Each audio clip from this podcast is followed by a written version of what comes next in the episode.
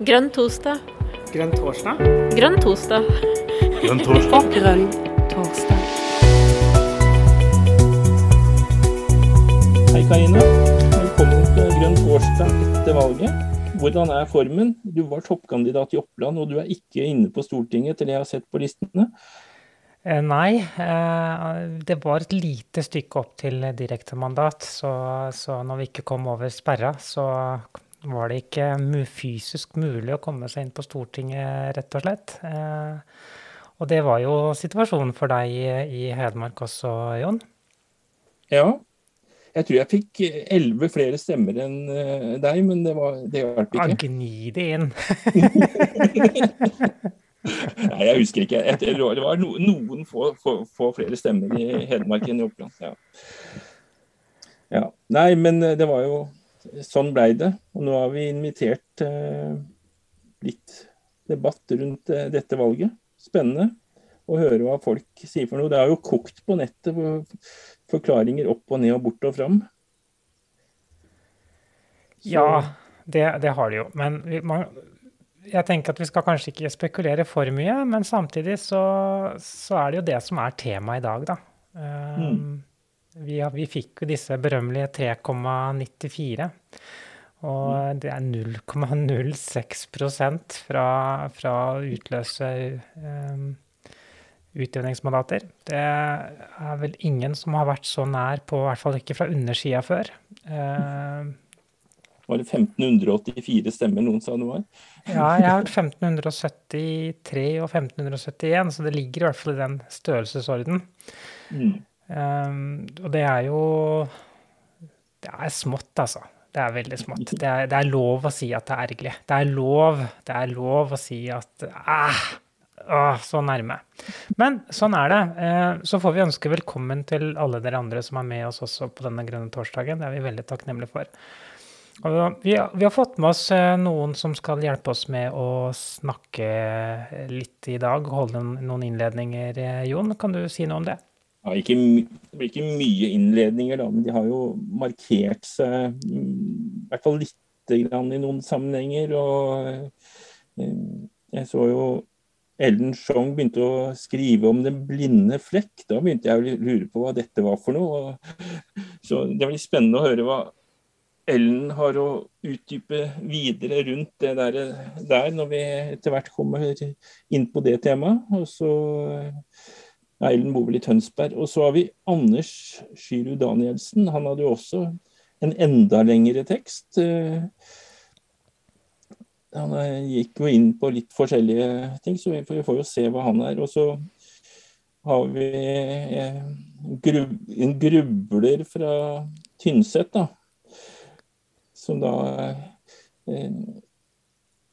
ja, jeg vet ikke hva jeg skal si for noe om deg, Sindre Sørhus. Men det, det, det, vil vise seg hva, hva som eh, du kan komme med. Du, jeg er litt usikker på de andre, men du er i hvert fall folkevalgt. Jeg tror ikke Ellen og Anders er det. Nei. Sindre har vært eh, folkevalgt på, på MDG på Tynset siden 2015. Så og så sitter den på fylkestinget også. Ja, Det har du vel også gjort siden 2015? Du skilt, skilt. Nei, ikke- gjorde du ikke det? Nei, det var bare vara. Ja. Mm. ja. Nei, hva, hva skal vi begynne å snakke om, Karina? Hvordan hvordan endte vi opp her? Ja, det er et Er godt det- spørsmål. Ja, Har, har du flere? ja. Gjorde vi noe feil, Anders? Hva tror du om det? Ja, eh, eh, hei alle sammen som er på Grønn torsdag. eh, jeg har ikke hilst eh, på alle mm, her, men jeg heter altså Anders og har vært, vært med i partiet en stund. Og mm, siden 2011, og vært med på valgkampene siden 2011. Så, og gjort meg eh, noen erfaringer. Så det har vært litt konkurranse, skjønte jeg, å skrive lengst om valgkampen. Så der, der tror jeg at jeg innkasserte seieren med over 13 000 tegn hos eh, Pan-. Eh, Den, eh, den skal jeg like å se noen slå. Nei da. Så jeg, kan legge, jeg tror jeg kan uh, bare bruke chatten her og så legge den lenka, fordi det er sikkert ikke alle som har lest den. Og sikkert, og siden den er så lang, så er den kanskje litt for spesielt interesserte òg, så det er ikke noe lesetvang. Men der utdyper jeg jo litt hva jeg mener. Men um, for å svare kort på spørsmålet ditt, så mener jeg ja, at vi, vi helt klart uh, gjorde feil.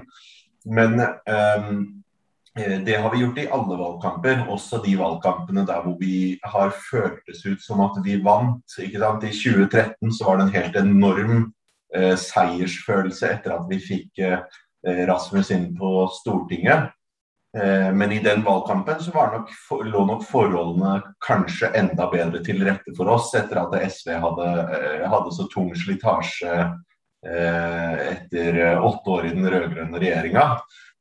Og hadde vi vært enda bedre i 2013, da hadde vi kanskje klart å bryte sperregrensa allerede da. Men jeg er litt opptatt av at man har det perspektivet. Det er ikke noen andres skyld at MDG ikke gjorde det bedre enn MDG sjøl. Hvis MDG har lyst til å ha flere velgere, så er det egentlig to ting man kan gjøre. Man kan eh, endre mening. F.eks. så tror jeg det er veldig populært å være for mye oljeboring. Så det, det er en måte å få mange velgere på. Og den andre måten er å bli bedre til, eh, i strategi og kommunikasjon og den type ting. Jeg tror at eh, det er nummer to som vi bør fokusere på. At vi bør bli bedre til strategi og kommunikasjon. Og så bør vi prøve å, ikke drive politikkutvikling med tanke på å få flest mulig velgere, men heller mene de tingene vi mener fordi de, vi mener dem. Um, ja. Så jeg tror jeg stopper der, sånn at også andre kan snakke i, i, eh, i kveld. ja, ja, nei, er, alle blir jo invitert til å si noe her etter hvert. Eh, eh, men jeg, så, leste gjennom den 13 000 tegna saken din. Det var jo et kriterium her for å få lov til å være med i dag, spesielt invitert, at den som har lengst Nei, det var spøk. Men jeg lurte jo litt på du har jo vært med siden 2011 eller et eller annet sånt noe. Jeg vet ikke helt. Men eh, er valgkampen Er det stor forskjell på valgkampen i 2017 og, og i 2021? Jeg, jeg har følelsen av at det var veldig likt. Ja, jeg tror det. Jeg tror eh, at vi hadde mye av det samme mm, mye, mye, av den samme tilnærminga. Men jeg vil si at det er ganske stor forskjell på valgkampene 2017 og 2021 og 2013.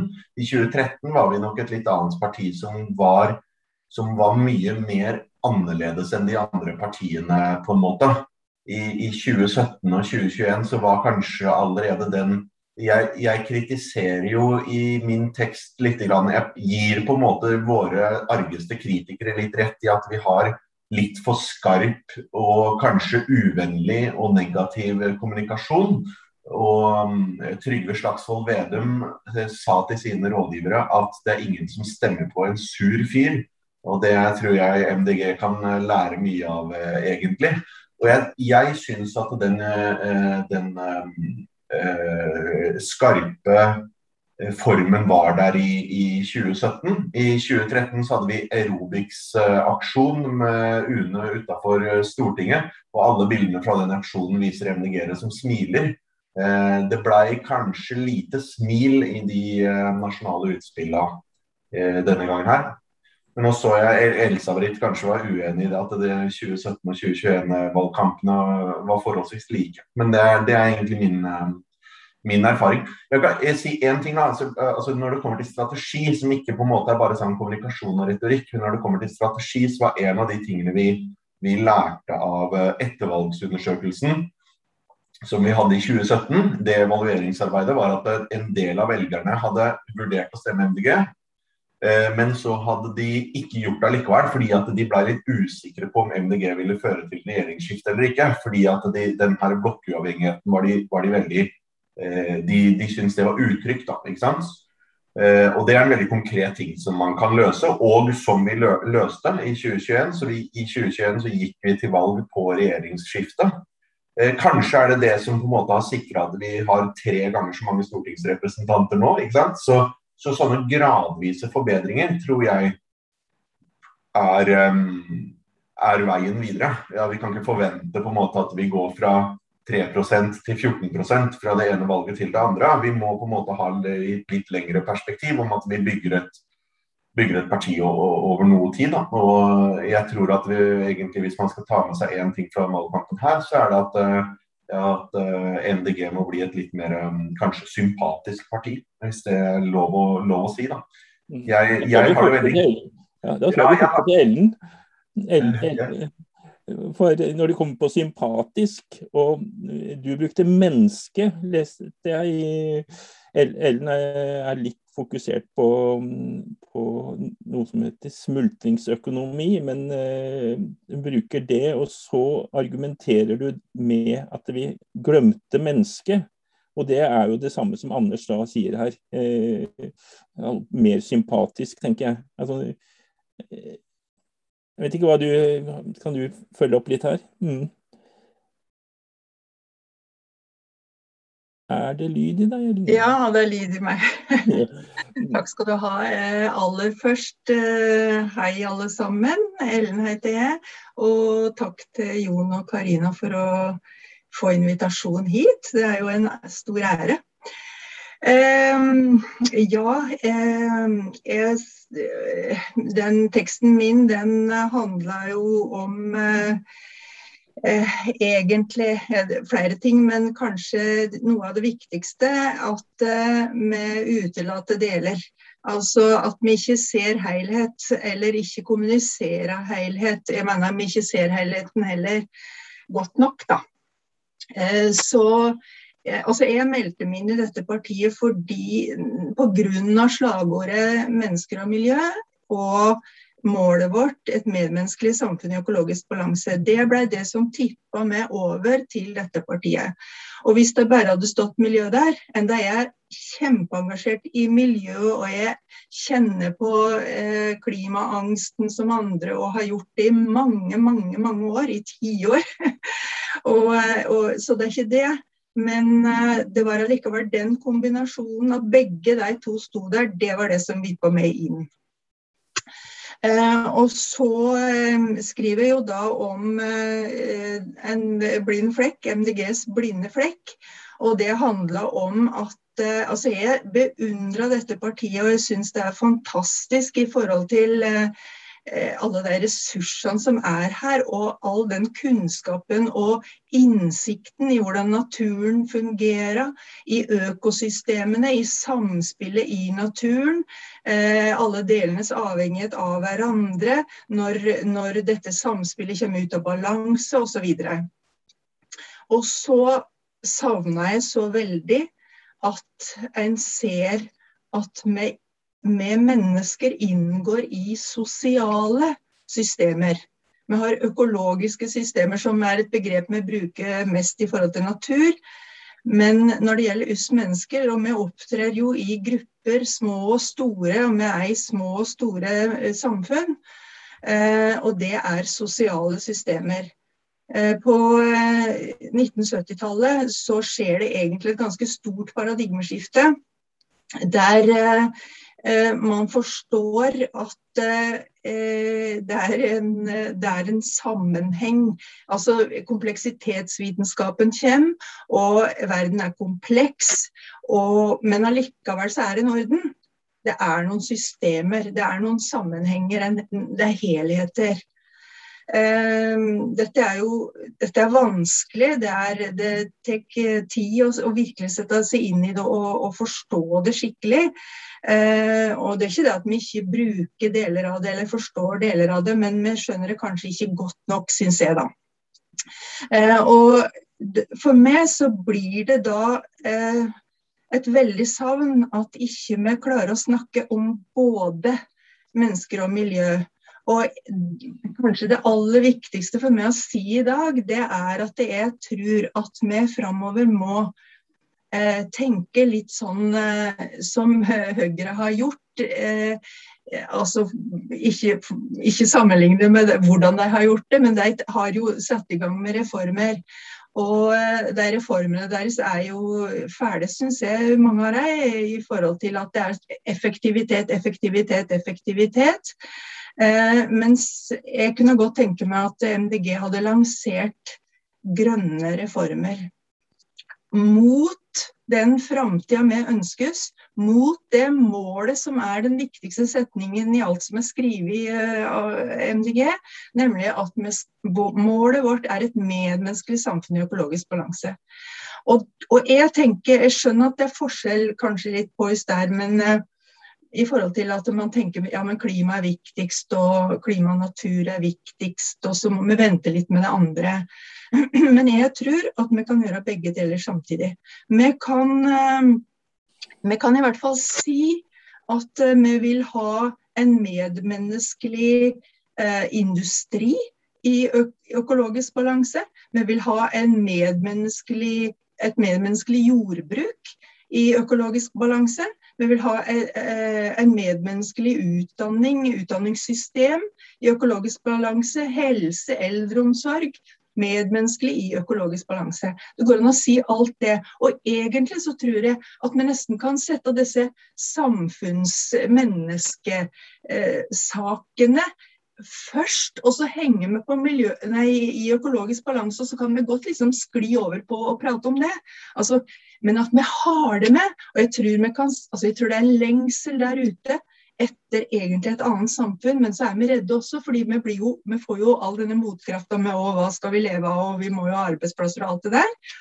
Eh, men jeg tror det er en lengsel der, for det er så mange som kjenner på press og stress og at vi skal bruke dette ene livet vi har til å jobbe seg i hjel. Eh, fordi at vi skal bli enda større forbrukere eh, og kjøpe ting for søppelbøtta. Nå har jeg prata lenge. ja. Takk, Ellen.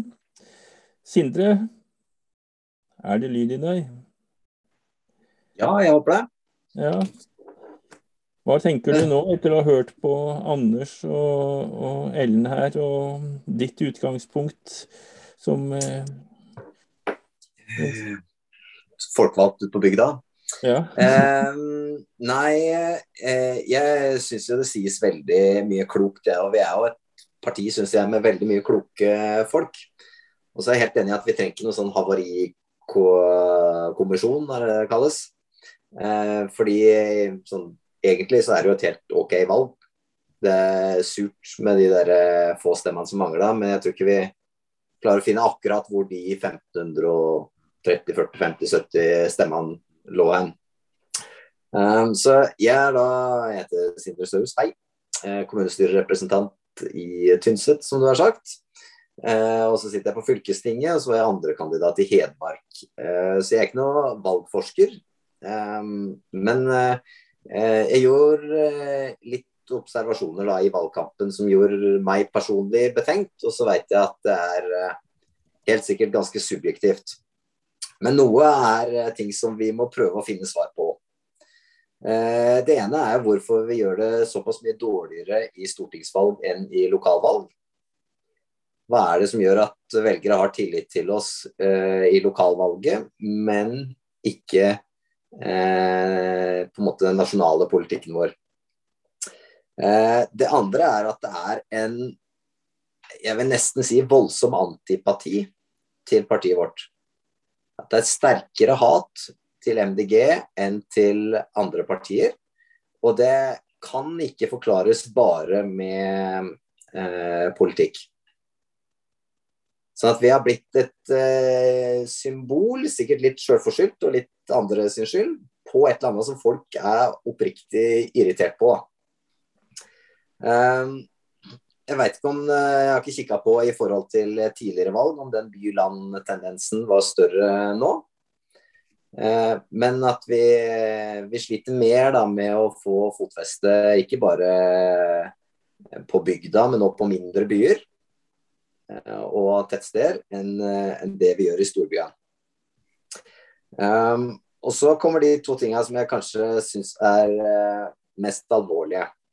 Det er at folk som kjenner politikken vår, liker politikken vår, uh, syns vi har den beste politikken, allikevel stemmer på andre partier.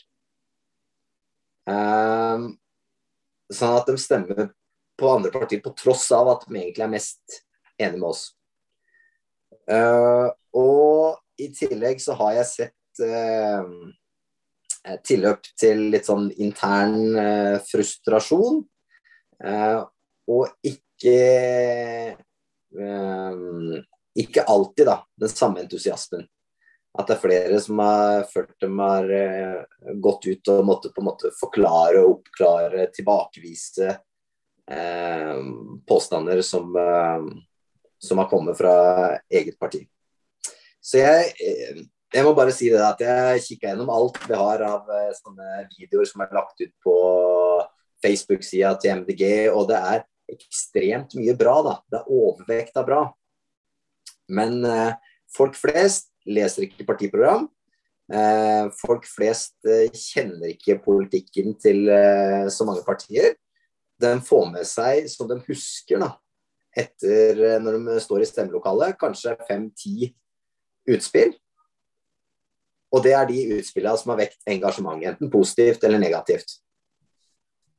Um, og da har vi kanskje hatt uh, noen uh, som jeg uh, mener har vært uheldige. Så det ble litt krast og veldig sånn bred pensel. Men jeg mener helt oppriktig at vi må ha en endring i hvordan vi kommuniserer politikken vår. Så kan jeg gjerne utdype det seinere. Takk skal du ha, Sindre. Eh, jeg må jo si det er jo mye klokt som sies her, og jeg kjenner meg igjen i mye av det også. Eh, Elisabeth, du har eh, rukket opp hånden, og det er sånn nå, folkens, at nå er det faktisk mulighet for å rekke opp hånden og be om å ta ordet sånn underveis. Det, nå er vi i den delen hvor vi skal snakke sammen, så det er lov å, ta, å rekke opp hånden. Og Elisabeth, du har gjort det. Vær så god, ordet er ditt. Ja, hei. Jeg er fra Oslo. Og jeg har stillet i fylkesstyret Oslo og bygd opp det i, i, sin tid, fra 2010. Anders kjenner jeg, og, og, ellers så kjenner jeg ikke så mange her. Men uh, jeg har i hvert fall vært veldig aktiv i alle valgkamper siden 2011. Og jeg skal være så ubeskjeden at jeg sier at jeg er en av ekspertene på å snakke med mennesker og lytte på stand. Eh, og det er der eh, I 2013 så var det ikke noe dørbanking. Og jeg har jo lest nå at folk fikk i døra i trynet når de snakket uh, når de sa de kom fra MDG. I Oslo så skulle det ikke være noen strategi om å stå på stand. Og jeg kom tilfeldigvis ned på Karl Johan og så at det var ikke noe stand der. Det var ikke. Men jeg sto der likevel, og det var ikke noe særlig klapping fra strategene i valgkampen i Oslo. Men jeg lærte, jeg, jeg, jeg, hørte at folk var fornærmet fordi de ikke står på stand der. Alle de andre partiene står der. Hvorfor står ikke dere her? Er dere ikke interessert i oss lenger, dere som er velgere? Og jeg fikk også mange flere negative eh, tilbakemeldinger.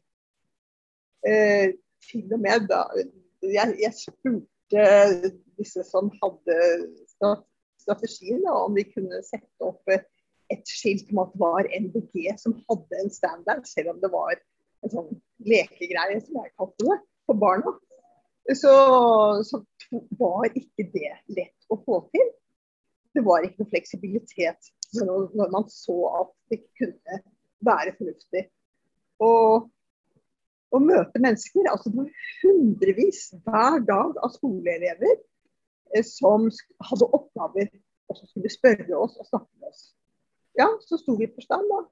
Vi har mistet masse, masse eh, samtaler fordi vi ikke har stått på stand. Da. Og så var det dette med å kommunisere. Og det er jo strategien som har gått igjen. At de har vært så tøffe. Og vi har vært så øh, ja, forståelige på mange måter. Ikke hatt den fleksibiliteten til å lytte til andre mennesker. Og hvis du står på stand, så må du først og fremst spørre hva er viktig for deg. Og ikke komme ut med en masse av det flotte programmet som vi har. Det må komme etter hvert. Og der er jeg enig med Ellen. Vi må møte menneskene det, det, er der vi vinner velgere. Og da må vi ha to ører og én. Og det, det, må vi ha hele tiden. Og så var det denne strategien da. Eh, klima, absolutt. Det er kjempeviktig for meg. Og miljø og natur er også viktig. Økologisk balanse. Helt kjempeviktig. Eh, men vi må jo kunne fortelle om andre saker også. Og det har ikke kommet tydelig frem. Sånn at folk som kom til oss, de har spurt ja, har du noe annet politikk enn å stå på standup og en klima, klima. Og dere har jo ødelagt en masse i Oslo. Det er folk som er misfornøyd. ikke sant? Sånn at de har ikke hatt den goodwillen som vi har hatt i tidligere valgkamper. Og det tror jeg skyldes måten de kommuniserer på. Den har vært altfor tøft og altfor streng. Og så har ikke strategien vært så smart. Jeg sier ikke mer akkurat nå. Tusen eh, takk, eh, Else-Britt. To, eh, to, ører og én munn, det skal man jo kunne ha med seg absolutt. Og når man skal lytte til folk, så er det jo også det å holde munnen lukket mens man lytter. Det er av og til en krevende øvelse for en person som er ivrig. Ehm, jeg var også nede og så på denne såkalte standen som var, var, i Oslo, og møtte noe faktisk da. Eh, jeg var jo uniformert til og med, altså hadde på meg MDG-T-skjorte, så noen trodde det var jeg som skulle stå på stand, så jeg måtte jo ta rollen en liten stund. Ehm, og, og det var eh, veldig påtagelig at vi antagelig hadde eh, tenkt litt, bommet litt på strategien i forhold til hvordan at dynamikken kanskje var litt annerledes i denne valgkampen grunnet korona. Um, tusen takk, Else-Britt. Uh, Anders, du har spurt om ordet, og det skal du få. Ja, takk. Skal jeg ta ned hånda mi også, sånn at uh, jeg får ordet bare én gang om gangen. Jeg har lyst til å spørre, og det går vel eh, bl.a. av min navnebror her. Uh, og det handler jo om eh, kommunikasjon og, og hvor skarpe vi er og, og, og, sånt. Og da kommer vi Det er umulig å komme utenom det ultimatumet vi stilte eh, om eh, leting, leteboring. Eh, og så var eh, Sindre var litt innom det, hvorfor vi får bedre resultater på kommunevalg eller lokalvalg enn stortingsvalg.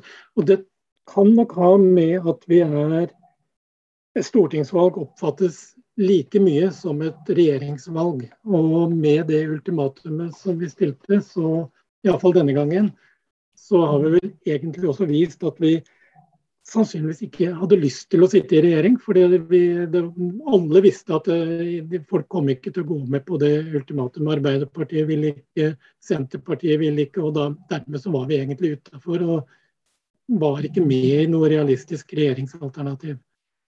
Um,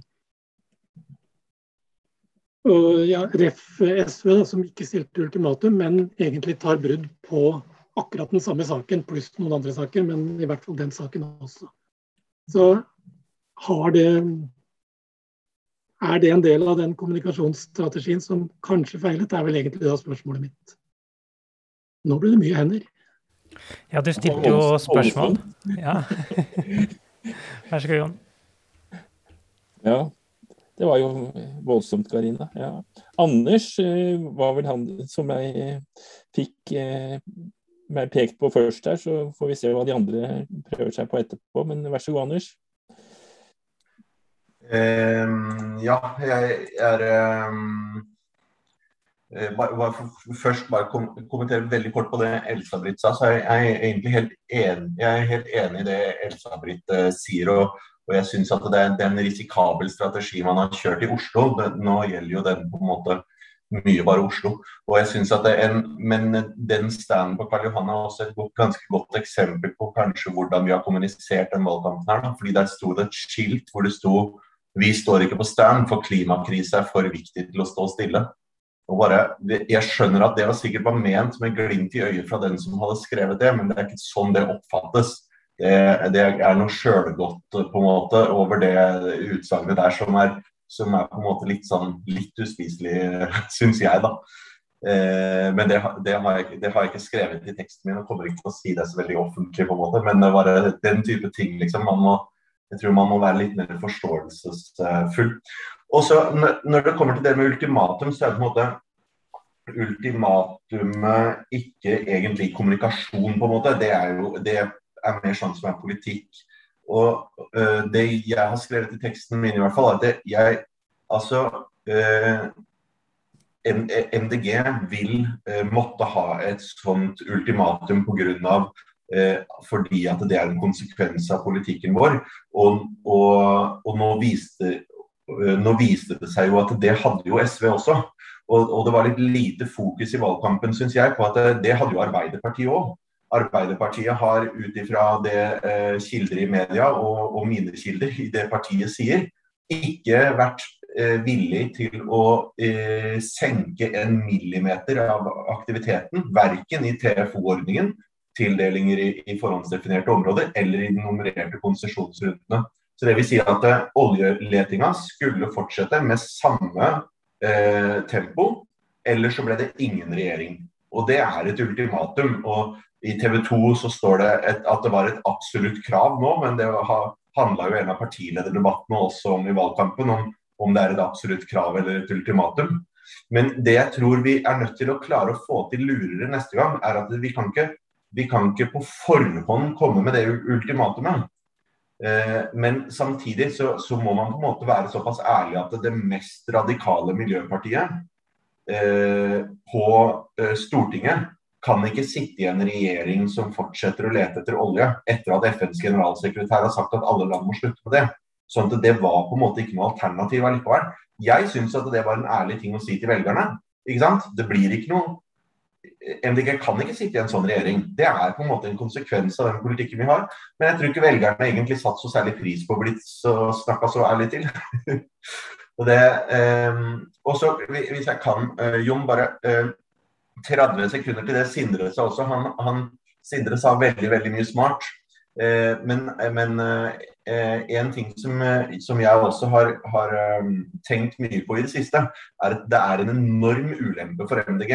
At dette kostnaden ved å være aktiv, frivillig, eh, tillitsvalgt, vanlig medlem i MDG er enormt høy hatet og truslene og driten du får i, i, i, i sosiale medier, er belastende for, for, våre medlemmer, på en måte. Og jeg syns også at det er kjipt når jeg snakker med folk fra hjembygda mi f.eks. At den eneste, eller den lettest tilgjengelige informasjonen de har om MDG, er uh, løgn, misforståelser og drit i kommentarfeltene på sosiale medier. Det er det inntrykket de har av MDG. på en måte. Og så, Hva kan egentlig MDG gjøre med det? Det har jeg tenkt eh, på lenge. For jeg mener at vi skal være løsningsorientert og ikke eh, sette oss på bakbeina og sutre for valgkampen. på en måte. Og eh, Jeg syns at det er veldig veldig vanskelig. Hva, hva, kan vi gjøre med det? Og Jeg, jeg er ikke helt med på det premisset heller om at det bare, sånn, bare vi er positive nok, så slutter folk å snakke dritt om oss. på en måte. Det finnes, Jeg kjenner nesten ingen mer positive mennesker enn Lan Marie Neuenberg. Og hun er også det, et av de mest forhatte menneskene i Norge. Jeg forstår det ikke, men, eh, men sånn er det på en måte. Så ja, takk. Takk, Anders. Eh, du er inne på noe viktig der. Eh, det, det, må være gøy å være med i MDG, og du skal ikke bli hetsa. Men hvordan skal vi løse det? Det, det blir spennende. Sindre, når Anders Marstrander var frampå her, så plutselig føyk du opp med handa. Hva er det du har hengt deg opp i nå? Oljeultimatum. eh, nei, eh, jeg hadde lyst til å kommentere det ultimatumet. Fordi eh, jeg tenker at eh, det er mange i Norge som er helt uaktuelt for dem å stemme på MDG, og det er helt greit. Men jeg er uenig i politikken vår. Eh, men vi har gått da på åtte år fra at det var ett parti som eh, ville slutte å lete etter olje, til at det nå er ganske mange. Og det valget her så var det vel, jeg husker ikke akkurat det, men drøye 20% som stemte på partier som ville slutte å lete etter olje. Og da tenker jeg at det er jo de potensielle velgerne for MDG.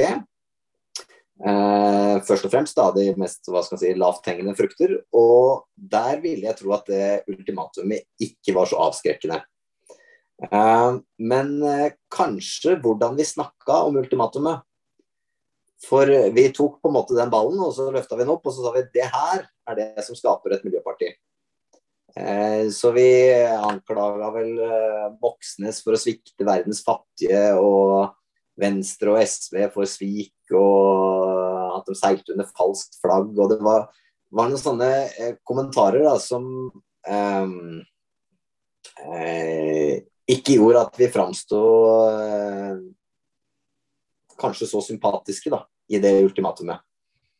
Eh, for vi snakka mye om hva vi skulle slutte med da, og, eh, og lite om det vi skulle gjøre istedenfor, og de positive tiltakene.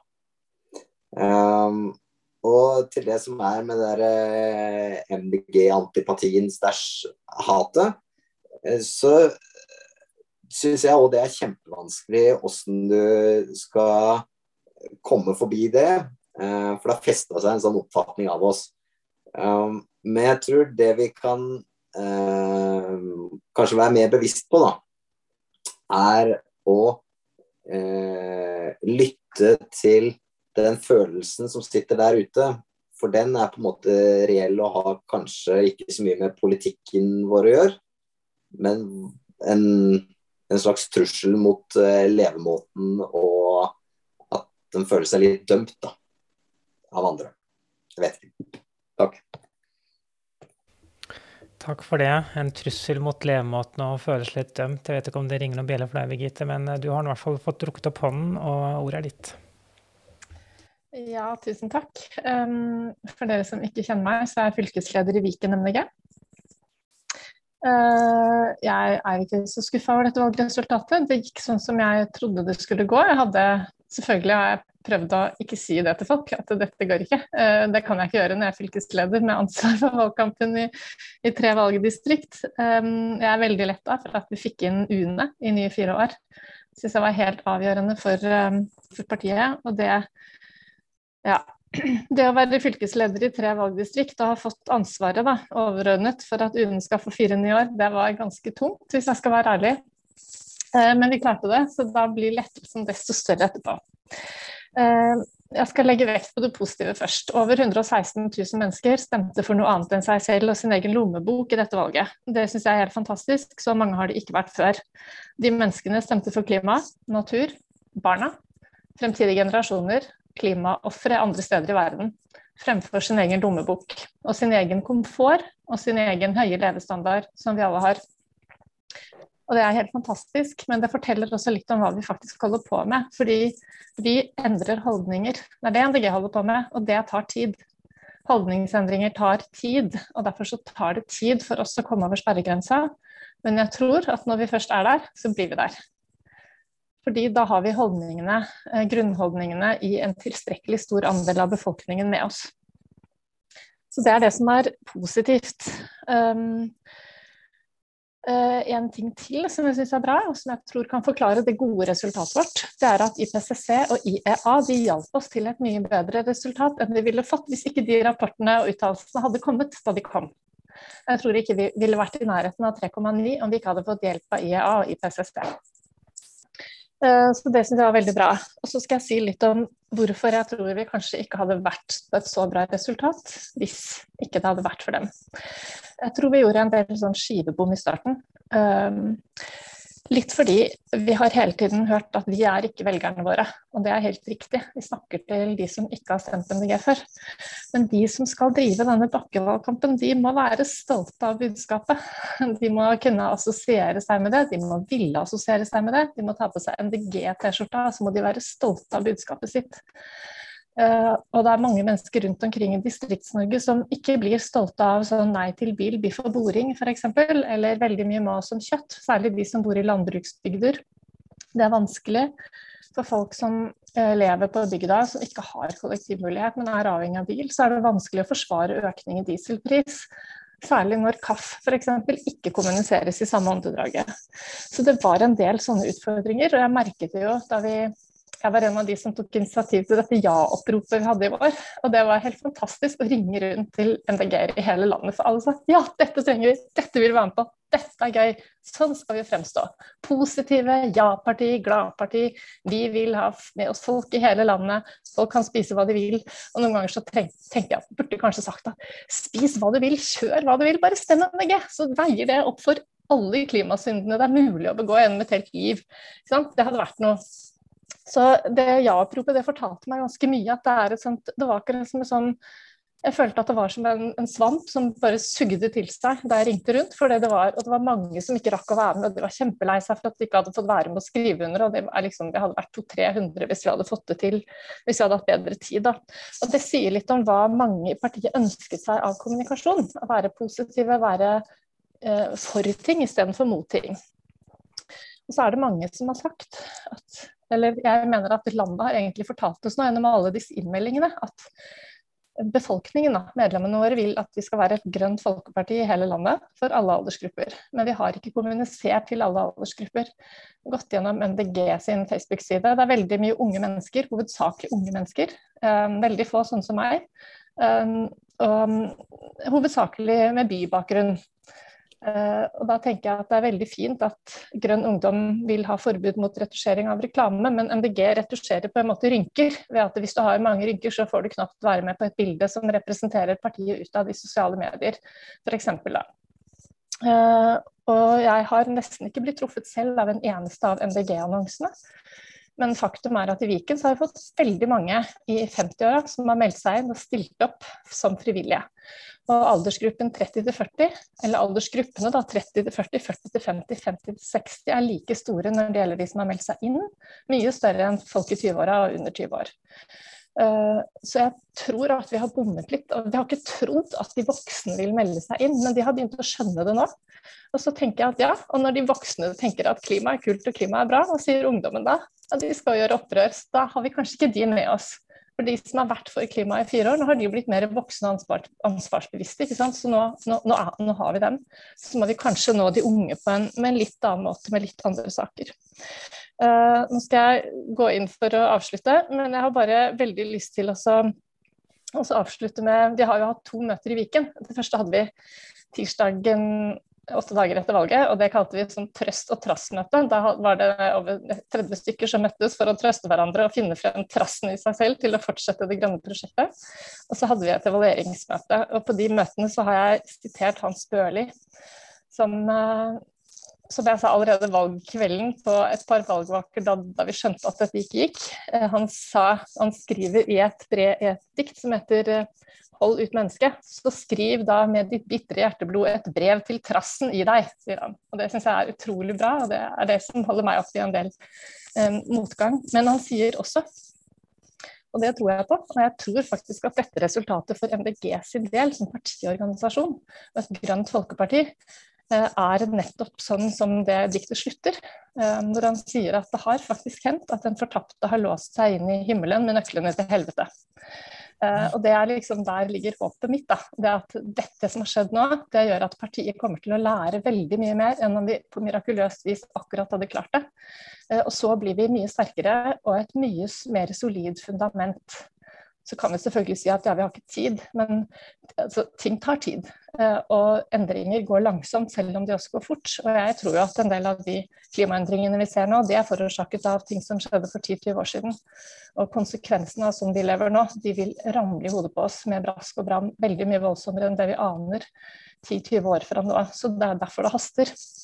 Men likevel så tror jeg MDG vil komme sterkere tilbake enn noen gang. Jeg tror vi vil se det allerede om to år. Hvis vi lærer, hvis vi lytter, og hvis vi våger å breie oss ut som et bredt grønt folkeparti med litt større fokus og satse på alle aldersgrupper og hele landet.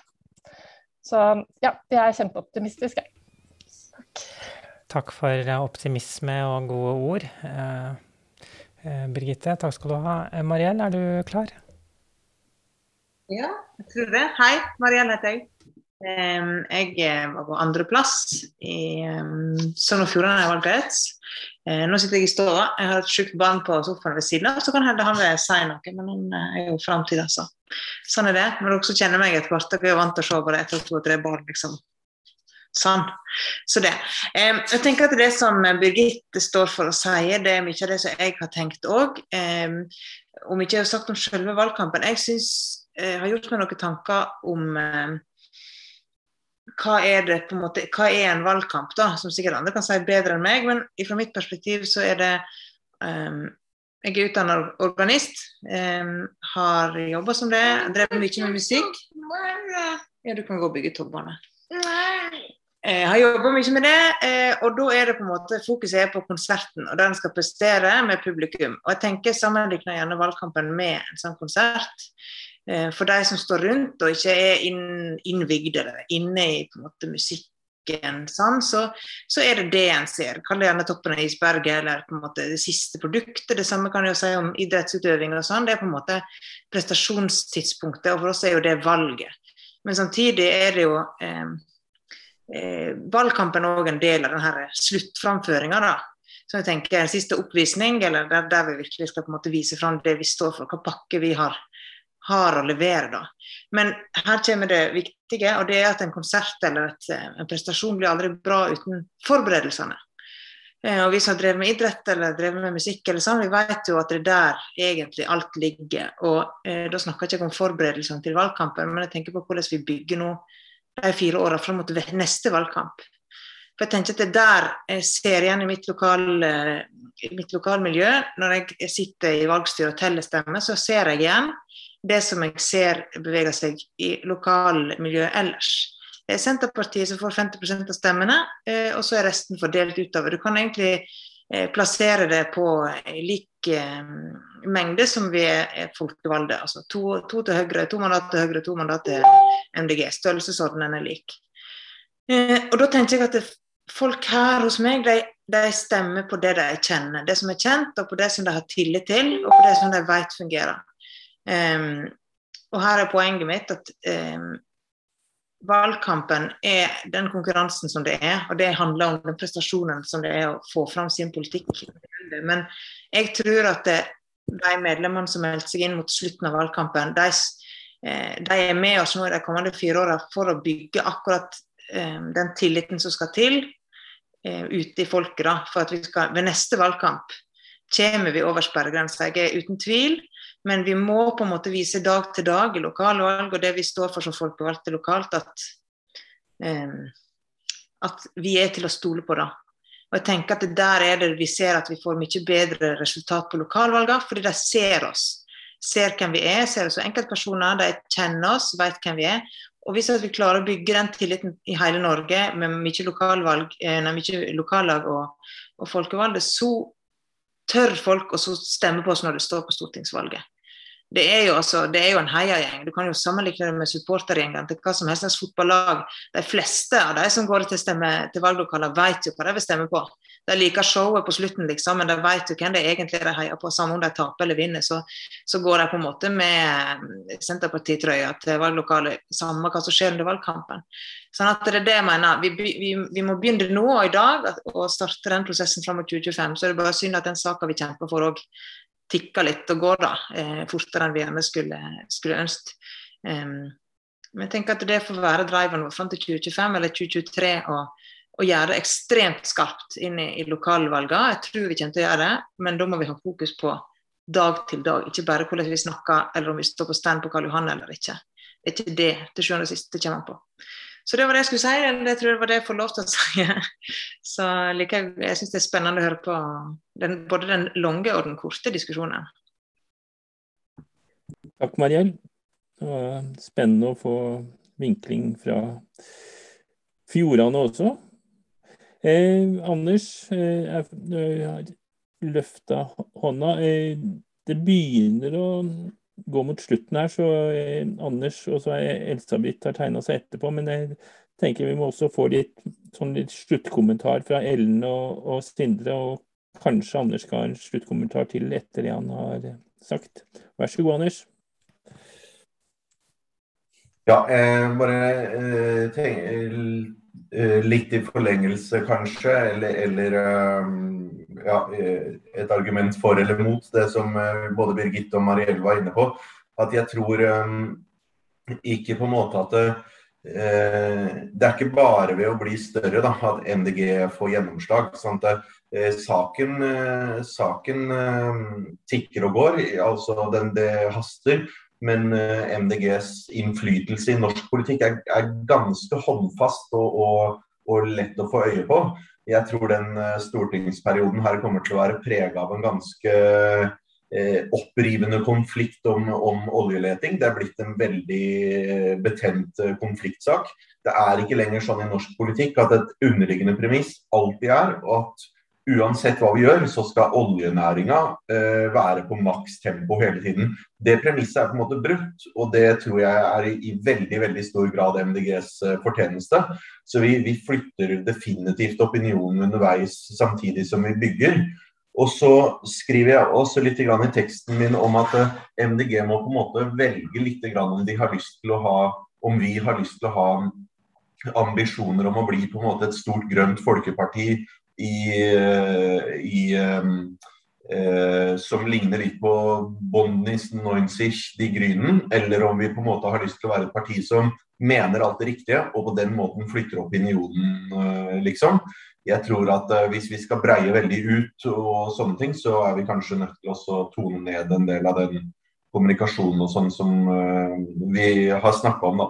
Eh, men jeg mener helt klart at den grønne polen er blitt eh, viktigere i europeisk politikk enn den røde og den blå polen, og at det derfor er behov for et stort grønt, eh, grønt folkeparti. Det er derfor jeg også konkluderer med at vi må ha en litt mer rund og raus kommunikasjon. Takk skal du ha, Anders.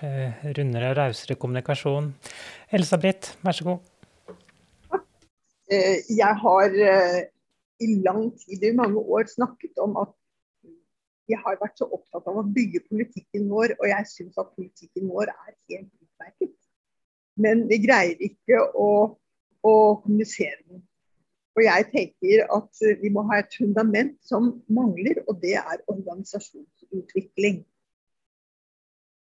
Eh, vi må utvikle organisasjonen, og ikke minst hvert eneste lokallag og det må vi gjøre en skikkelig jobb på hvis vi skal få med, som Birgitte sier, altså at det skal være gøy å, å være med i MDG, og at du skal være stolt og bære den MDG-flagga. Så jeg sier organisasjonsutvikling, organisasjonsutvikling, organisasjon. Da var det noe som ble gjentatt tre ganger, så hvis de som ikke fikk det med seg, så kan jeg nevne at det var organisasjonsutvikling. Um, så da uh, Det er et punkt som er lett å være enig med deg Else Britt Enger. Uh, det er Jeg ser det samme Altså mange av, Ute i distrikta er vi mange veldig små lokallag også. Og det er også veldig utfordrende å utvikle veldig små lokallag. Så absolutt et viktig tema. Takk skal du ha. Sindre? Eh, ja, Eh, jeg skal ta to poenger. Det ene er kanskje litt kritisk. Det er eh, nevnt av eh, flere her. og Det går jo på det at jeg opplever at vi har en veldig bra politikk, og så opplever jeg at vi har en tja-retorikk i valgkampen. Og det er lettere og enklere det er enklere da, å endre på retorikken enn at vi må ta hele politikken. men jeg veit ikke om det er bevisst men det oppleves nesten som om vi har en bevisst sånn polariserende eh, retorikk for å liksom skape sånn også dem, da. Eh, og Det tror jeg er eh, veldig uheldig. Jeg tror det er ikke bare for valgoppslutninga, men for samfunnsdebatten generelt. Så jeg ønsker meg et vedtak jeg, i et av våre styrende forum eh, som sier noe om åssen kommunikasjon vi skal ha. Um, så det håper jeg blir eh, tatt seriøst. Og så er det som er litt eh, hva skal jeg si, mer positivt, da. Det er jo at det er jo ikke bare på Stortinget kampen for et medmenneskelig samfunn i økologisk balanse står.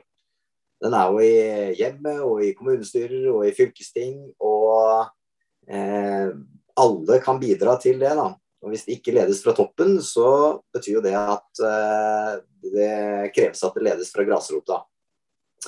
Eh, for det er jo der eh, klimautslippene skjer, og det er der naturnedbygginga skjer, og det er der eh, mennesker lever. Så jeg håper vi kan bruke åra framover nå til å på en måte bygge den entusiasmen gjennom lokal handling. Jeg tror det er engasjerende for folk å se at det faktisk nytter å gjøre noe. Takk skal du ha. Ellen, ordet er ditt. Ja, jeg tegna meg egentlig for en sånn sluttsak, og vi har vel ikke tid til noe mer. Det jeg skulle ønske, egentlig at vi hadde hatt bedre tid. Da kunne vi komme mer inn på det som Anders skrev om det grønne rommet, som også var tittelen hans, tror jeg. Eh, fordi at jeg tror vi trenger, jeg trenger det i hvert fall, en skikkelig samtale i dette partiet om hva vi legger i å være grønn, i hva som er grønt. Eh, og jeg ser jo at det, da, det, er av og til noen diskusjoner og samtaler om det, men jeg tror ikke at vi legger det samme i det. Og når eh, Anders snakka om et stort grønt eh, folkeparti, eh, så er det ikke sikkert at vi tenker det samme. Når jeg hører på samtalen i dag, så syns jeg fortsatt at det er veldig mye snakk om om miljøet. At det er, altså for meg så er det skeivt. Fordi at eh, altså jeg tror at alt henger sammen med alt. Og som jeg sa, så tror jeg at man kan gjøre begge deler samtidig. Det er ikke sånn at man må prioritere vekk klimaet for det om en snakker om medmenneskelige samfunn. Eh, jeg tror på at det å være grønn, det er ikke Eh, altså det, jeg syns det er veldig bra at MDG vil stå utafor den eh, partiskalaen. Men jeg tenker at det handler om å ta med seg det beste fra den røde sida og det beste fra den blå sida. Og så danner man en syntese eh, som er noe mer og noe nytt i tillegg. Eh, og det handler for meg da om dette her jeg skriver om og har sagt bitte litt om, nemlig den systemiske tenkningen. Som handler om å skape gode samspill. Og i vårt samfunn så har vi ikke, påstår jeg, gode samspill. Har, det har utvikla seg i våre sosiale systemer veldig hierarkiske organisasjoner. Der noen sitter på toppen og har veldig mye makt. Eh, noen har gjort seg sjøl, eller har blitt gjort, eh, og vi godtar det jo, eh, store og tydelige. F.eks. det økonomiske systemet der, der, der, en skulle tro at det som virkelig betyr noe i vårt samfunn og for økonomien, det er det å, å produsere sluttproduktene. Og en neglisjerer, en ignorerer, en usynliggjør alle de andre elementene som spiller inn for at vi skal få en vare på et marked. Eh, og det å ignorere eh, deler av systemet, det gjør at det kan bryte sammen. Det kan skape en, eh, enorme protester eh, og vrangvilje. Eh, så det er innmari viktig å på en måte lære seg å tenke mer i de banene. Og, og tenke helhet, del, helhet, del. Um, og så er jeg veldig glad for at uh, Elsa-Britt er her og sier tre ganger uh, organisasjonsutvikling, for jeg er også veldig opptatt av det. Og kanskje er det der vi skal begynne, med at vi lager de veldig gode samspillene i vårt sosiale system, nemlig vårt parti. Um, ja, jeg tenker at eh, det kan være en fint sted å øve seg. Eh, og jeg tenker at det er veldig Altså, jeg føler at eh, der jeg er, da, så føler jeg meg som totalt forlatt. Jeg føler at det er en sånn laissez-faire eh, organisasjon. Eh, jeg er barnet som ble forlatt. Vårt lokallag, altså hvem bryr seg. Bortsett fra valgkampen, da var det virkelig noen som var på. Da følte jeg at jeg var at jeg hang sammen med hele organisasjonen. Men ellers så seiler vi som et sånt lite frittsvevende atom, syns jeg. Og jeg tenker at Det handler ikke om at vi skal ha en hierarkisk struktur og, og kommando og kontroll, men det handler om at det blir arrangert eh, diverse eh, festivaler, læringsverksted, eh, mulighetskonferanser eh, som er lavterskel, der mange kan delta. Det skal ikke være eksperter som står og har innledningen osv., men, men gruppearbeid og ja, Eh, som kan få fram kraften. For vi sitter på så masse ressurser i dette partiet som er ubrukt. Det er en overflod som er ubrukt, og den bør vi få i spill i gode samspill. Ja, takk. Gode samspill, tusen takk for det, Ellen. Da har vi i utgangspunktet satt strek, og Anders er den siste på lista. Hvis du, Sindre, ønsker et sluttord, så rekker du opp handa, så får du det. Men først så er det Birgitte. Ja, takk. Um, jeg er veldig glad for at noen har sagt ordet grasrotbevegelse. Det tror jeg på. Uh, gress, det vokser nedenfra. Det er derfor det funker så bra på utmarksbeite. Vi snakker jo varmt om utmarksbeite når det gjelder dyr, men jeg tror vi må drive litt utmarksbeite i vårt eget parti også, faktisk. vi må ut i utmarka, ut i distriktene. Og det som jeg tror er en veldig fin mulighet for oss i det neste valget. Da kan man jo snakke om hvordan man skal prioritere. Target to win, hva er egentlig det? Og hvem er det som skal vinne? Er det vi, eller er det naturen og klimaet? Og hvis target to win er å redde mye natur, så er det kjempeviktig at vi i neste valg satser på mange av de små kommunene hvor få mennesker, men hvor det forvaltes helt abnorme mengder natur. Så det å få hånden på rattet i en del av de kommunene, det gir oss en helt fantastisk mulighet til å snakke mye, om, mye mer om natur og redde veldig mye mer natur. Eh, og da må vi løfte blikket, og så må vi se utover. Og jeg tror også vi skal jobbe med å tenke perspektiv når vi kommer med, uh, med uttalelser, enten vi står her eller der. Uh, og jeg som bor i Moss, jeg kan kanskje tenke meg Hvis jeg nå sto på Frøya og sa det jeg sier nå, hvordan ville det høres ut for de som bor her? Eller hvis jeg sto i en sjark utenfor Senja, hvordan virker det da å høre det jeg sier nå? Og det er det å flytte seg. Eh, og gode påvirkere, og det ønsker vi jo å være. Det er jo den måten vi kan få velgere på. De er kjennetegnet av at man forstår hvordan man virker på andre. Um, og så klarer man å ta andres perspektiv, og det tredje er at man klarer å tilpasse seg dette. Og det er en sånn læring som vi kan ha. Og nettopp når Ellen snakker nå, så tenker jeg yes, og det må vi ha med organisasjonsutviklingen vår. Prøve å se ting fra flere sider. Uh, og NDG er et mangfoldig parti, og vi må begynne å leve det mangfoldet, rett og slett. I ulike aldre. Uh, og så er det uh, sånn jeg skrev en, en, kronikk faktisk da, forrige gang da UNE var på valg om helsepolitikk, og at man ikke må bare se blindt på dashbordet, men faktisk se ut gjennom frontruta. Uh, hvis du bare ser på dashbordet og sier at nei, det er ikke noe isfjell her, da blir vi sånn Titanic som dundrer rett på. Så kunne vi gjort en liten kursjustering, fordi det var mange som ropte isfjell, isfjell forut. Uh, men den kursjusteringen den kom kanskje ikke. Så vi må løfte blikket og så se litt mindre på tall og kalkyler. Ikke bare, så selvfølgelig skal vi bruke dashbordet, men ikke bare det. Uh, og så må vi se ut på virkeligheten og se hvordan reagerer mennesker på dette. Hvordan reagerer medlemmer og frivillige, hvordan reagerer de vi møter. Og hvis reaksjonen er negativ, så må vi endre kursen litt. SV har endret en del, de har blitt litt hyggeligere enn de var for mange år siden. Har hatt ganske formidabel vekst. Og Rødt har bygget organisasjon i hele landet. Masse levende lokallag. Så de er konkurrenter, og de må vi rett og slett også lære av. Og det er tilbake til idretten, som, øh, som, som ble nevnt i sted. Eh, som Mariell nevnte, eh, man lærer av konkurrentene sine. Det er den måten man klarer å konkurrere og vinne i konkurranser. Så vi har masse å lære, og det har vi muligheten til nå. og Den, vi, den muligheten må vi rett og slett ikke slippe. Men uh, vi skal redde natur om to år, masse, masse, uh, ved å løfte oss i hele landet, tror jeg. Takk.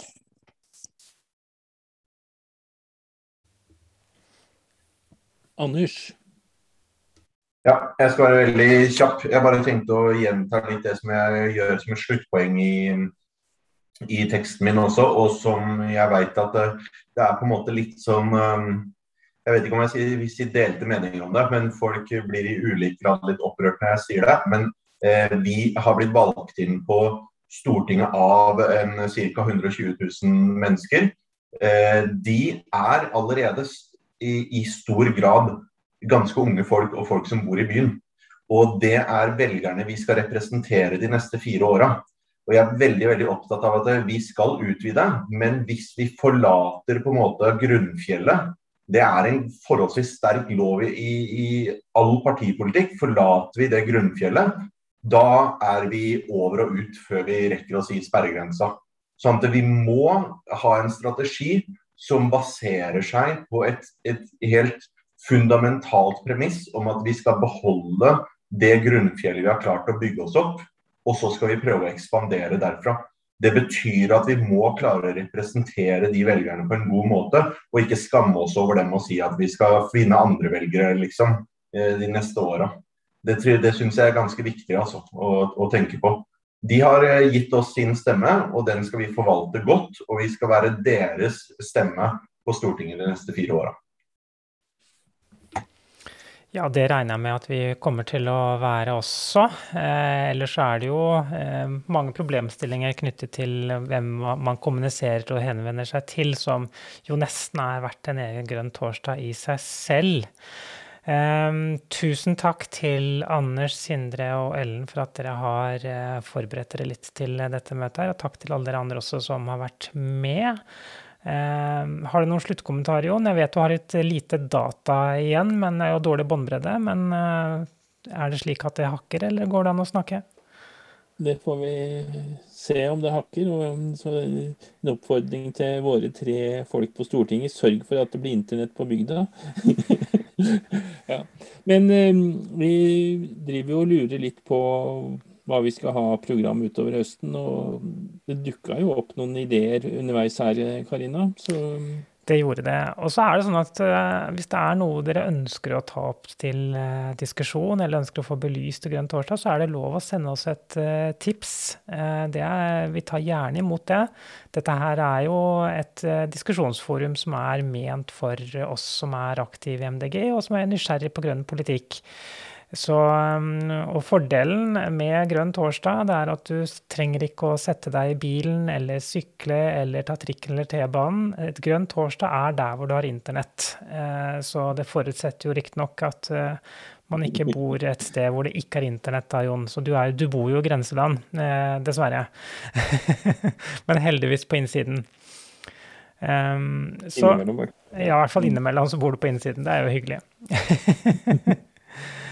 Um, vi, er, vi, er, på overtid nå, så vi, vi, kan vel egentlig avslutte. Det blir flere grønne torsdager utover høsten, det kan vi love allerede nå. Men om det har vi satt opp førstkommende torsdag allerede, eller blir det 14 dager til, Jon? Det husker jeg ikke helt. Vi har ikke snakka om det. Nei, da blir det fort 14 dager til, tenker jeg. Fordi vi må jo forberede dette her også. Så mm det, det, å kjøre det ukentlig, som vi har, gjort, har gjort eh, tidligere år, det er ganske krevende. Så det kan være at det blir annenhver uke. Men det blir grønne torsdager, og kom gjerne med tips. Og så håper jeg jo at eh, flere av dere blir med flere ganger og koser seg en torsdagskveld mellom klokken åtte og ni sammen med alle oss andre. Og mm. snakker om litt grønne politiske saker.